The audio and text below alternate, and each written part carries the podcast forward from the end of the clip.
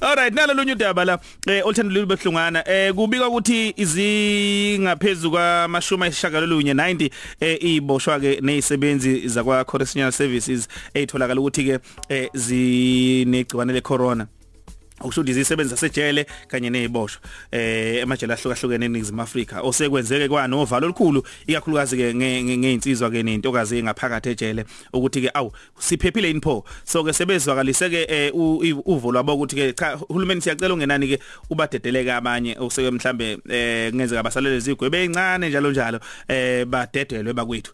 Eh kunokuthi ke kube na ngoba phela emajele vele isikhathi esiningi nathi sike sibone masuke sivakashile lapha kugcwele emajele.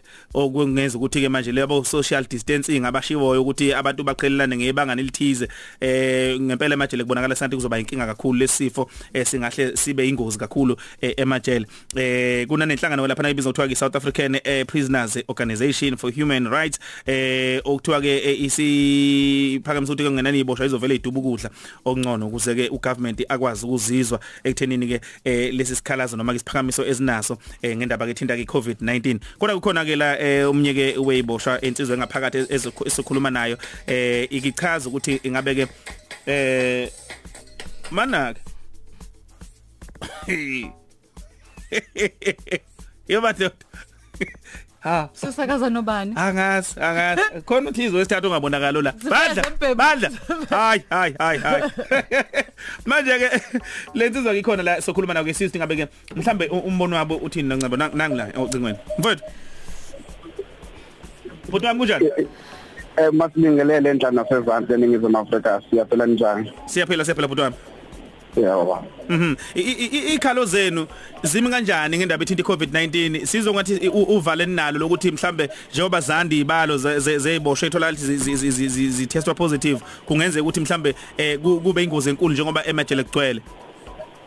Eh sibhekene nenkinga enkulu la baba ngoba isimo esibhekene naso eh siqale la ku social distance ukuthi sibhekana nenkinga kakhulu. I social distance emajele ayitholakala ngesimo sokugcwala kwethu baningi kakhulu emajele. Ebesinethemba ukuthi government wethu ubengathi kuphungula kubafowethu kube khona abadedelayo kakhulukazi labo sebesondele ekuthaneni bafike ko half sente sibaba si sibhekene nenkinga enkulu kakhulu ngokuba nalokhu okwama sanitizers eh uyakusho njena ukuthi kulethile kuthina kodwa sikaze sikubone ngamehlo. Okunye futhi okusiphatha kabi kakhulu ukuthi vele abantu abaletha lento noma bangafika nalento kuthina yibona ama officials thina njengama offenders asikwazi ukuphumela ngaphandle sithi usixhumane nabantu abaningi. Njengoba bevalile izinto kuthina besinethemba ke lokuthi noko kuzoba ngcono kodwa ngesimo esibhekana naso manje abafowethu baya ngokwanda abantu abathola lesi simo. Kanti sibhebhetheka kalula. Isimo sokuthi lento lo 1 meter lo 1.5 meter awutholakali kuthina. Hmm. Kuyezwakala mfethu manje mhlambe isiphakamiso senu sokuthi uhulumeni anibhekelele benibona mhlambe akwenze kanjani lokho njengoba phela abanye abanye njengoba sikhuluma nje basatokile amaqala imayezothethwa awakaqula noqulu amanye asequliwe abadla njalo njalo Okay. Uma siqala la kusaneni labafowethu laba abatobile. Uma ngabe umuntu amaphoso sembambile. Kunento ethi mose enkantolo wonke umuntu unelungelo lokuthola ibhili abuyele ngaphandle aphinda athenge. Lakho lokho ke kubhekeke kakhulu enkantolo. Sibuyele ngala kulabafowethu asebegodiwe. Kulabafowethu abasebegodiwe. Njengoba sithi ukuthi ukunciphisa abantu abangaphakathi ngoba inkinga yethu sibaningi manje. Ibona ukuhlupha kakhulu siyafisa ukuthi ugovernment wethu anciphise ngoba uzamile kona ngesikhathi enikeza abantu i-remission kodwa kuzange kwenele ngokuba abantu abaningi basalile kunalabo abaphumile and kugwetshwa mihla namalanga eSouth Africa manje mhlambe zikhona izibale enizenzile nithema nibuka nathi hayi mhlambe mangase kuphuma isibale esithile nanokuthi mhlambe kuphume eh abenze okuthile mhlambe sithi mhlambe njengoba ukade nisho mhlambe abantu abasestokisini noma abama awaiting trial njalo njalo. Eh nikuhlukanise kanjani? Ngoba omunye uzothi ha nakho ke eh asikhulume nje ukuthi i-waiting trial nalabo sebesentesiwe abantu abahlala ngokuhlukana. Kodwa kuzo zonke lezi ndawo zokuthuka bobabili bonke labantu laba baningi ngendlela esimangalise uma ngabe kusithi abantu kulabo sebesondele ku half sentence babo ugovernment uma ngabe ngabanikeza isikhathi ukuthi baphuma siyabuka ukuthi no. At least mhlawumbe u50% kungasala abantu abancane la ngaphakathi Bu- ingakwazi ukuba khona leya social distance. Yabo ngikhuluma nawe nje manje la ngikhona. 256 kodwa kuvumelekile ukuthi abantu babe ngaphezulu kwa50 kodwa mina ngihlala nabantu abangaphezulu kwa50 256 endlini. Mm. M- manje u- u- uma ni- ni- niya kuyi hunger strike in- nizoba kuyi hunger strike ukuze kube ukuthi u- uhulumeni uyathamba?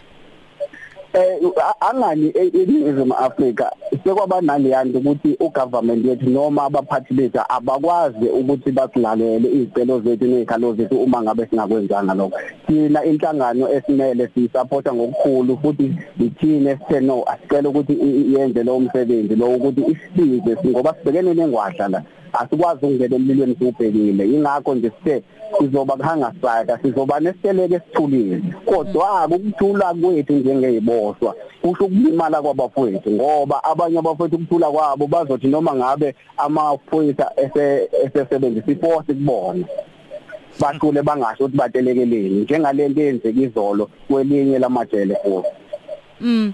ukuthi abafethu bangafuni ukubuyela ngaphakathi ngoba ekugcineni kahle kahle ngaba lokhu asikwenzi. Inkinga sesikhuluma ngamalungelo ungelo la. Asithi akuyona iprivilege kuyilungelo lethu ukuthi siphile. Nathi siyakufisa ukuphila siyakufisa ukubona ingane zethu siyavuma sona. Kodwa manje sekuyisikhathi sokuthi ugovernment ugovernment wethu asibukelele phela na Ma- manje n- n- eh, nibe nazi ingxoxo wa- wangayivuma lenishoyo sibe nazo ingxoxo na government asikhulume lokho ukuthi thina ugovernment wethu sihlale simcela mihla namalanga. Kodwa uma ngabe kukhona esicela yakakazi abe nempendulo Mm. Manje ke ngoba ukuphuma akusho ukuthi phela sekuvikelekile ikhona nala ngaphandle icorona ikhona yonke indawo. Eh lo mm. lo lo- lokho sikwazi kakhulu ukuthi ngaphandle ila ibhedetheka khona kakhulu. Kodwa inkinga yethu njengoba sibaningi kanje i- uma ngabe itholakala koyedwa la kuthina kuzovele kubhutshwe ingakho sithi kuzoba kuhle uma ngabe umuntu eyozinakekela ehlezi nomndeni wakhe kube uyena oyifaka engozini. Futhi siyakukhuthaza kakhulu ukuthi abantu lokhu government akushila athi abantu abahlala ezindlini abakwenze lokho benze lokho akushoyo kulabantu abangaphandle. Kodwa thina isimo esibhekene naso la ngaphakathi sibi kakhulu ngendlela esigcwele ngayo Mhm mhm Inmate nami sisibonga kakhulu ke ukuthi ube nathi eh kuona umsakazo ukhoze sithemba ukuthi soba khona ke isixazululo eh ku- kukona enibhekene nakho eh nikwazi ukuthi nibonisane ngendlela efanele nohulumeni kubonga thina sibonga kakhulu siyabonga ukuthi nisikhumbule nathi kulesi simo. Siyanxusa nje bakothi ukuthi ugovernment wethu akasikhumbule kulesi sicelo sethu. Asifuni ukwenza izinto ezimbi asifuni nathi ukuthi sihlukumezeke empilweni kodwa sifisa ukuphuma sisaphile empilweni. Sikwazi ukubonana nemindeni yethu kusekuhle siyabonga. Sibonga kakhulu. Hmm, ikhuluma kahle lensizwa iqapho qapho. Ngiyazibuza ukuthi mhlawumbe belingekho elinye icebo lothi mhlawumbe ba- bahlaliswe ngokuhlukana mhlawumbe. Kufanele kufanele kuze kuphunywe ngoba phela iyo ikhona yonke indawo le corona ngoba Yeah. mhlawumbe omunye uzophuma esenayo aye emndenini wakhe mhlawumbe bekade bengenalutho bez self isolateile afike afike nayo ngoba phela ngithi kuthiwa kuyakwazi ukuthi ube nayo kodwa izimpawu ungabi nazo. Ungabi nazi yebo kunjalo. Impela bengilalele nje kuseni la eh, umnomzana uvavi echaza ubungozi bayo nanokuthi ithula kanjani emzimbeni kanti vele ikhona umuntu enge- engenalutho umqemane nje so ke ngempela kuyathusa abakwethu eh kakhulu. Kodwa ke sithemba mhlambe ke uhulumeni eh, uzolisukumela lolu daba abone ngabe isixazululo ke eh, siyini.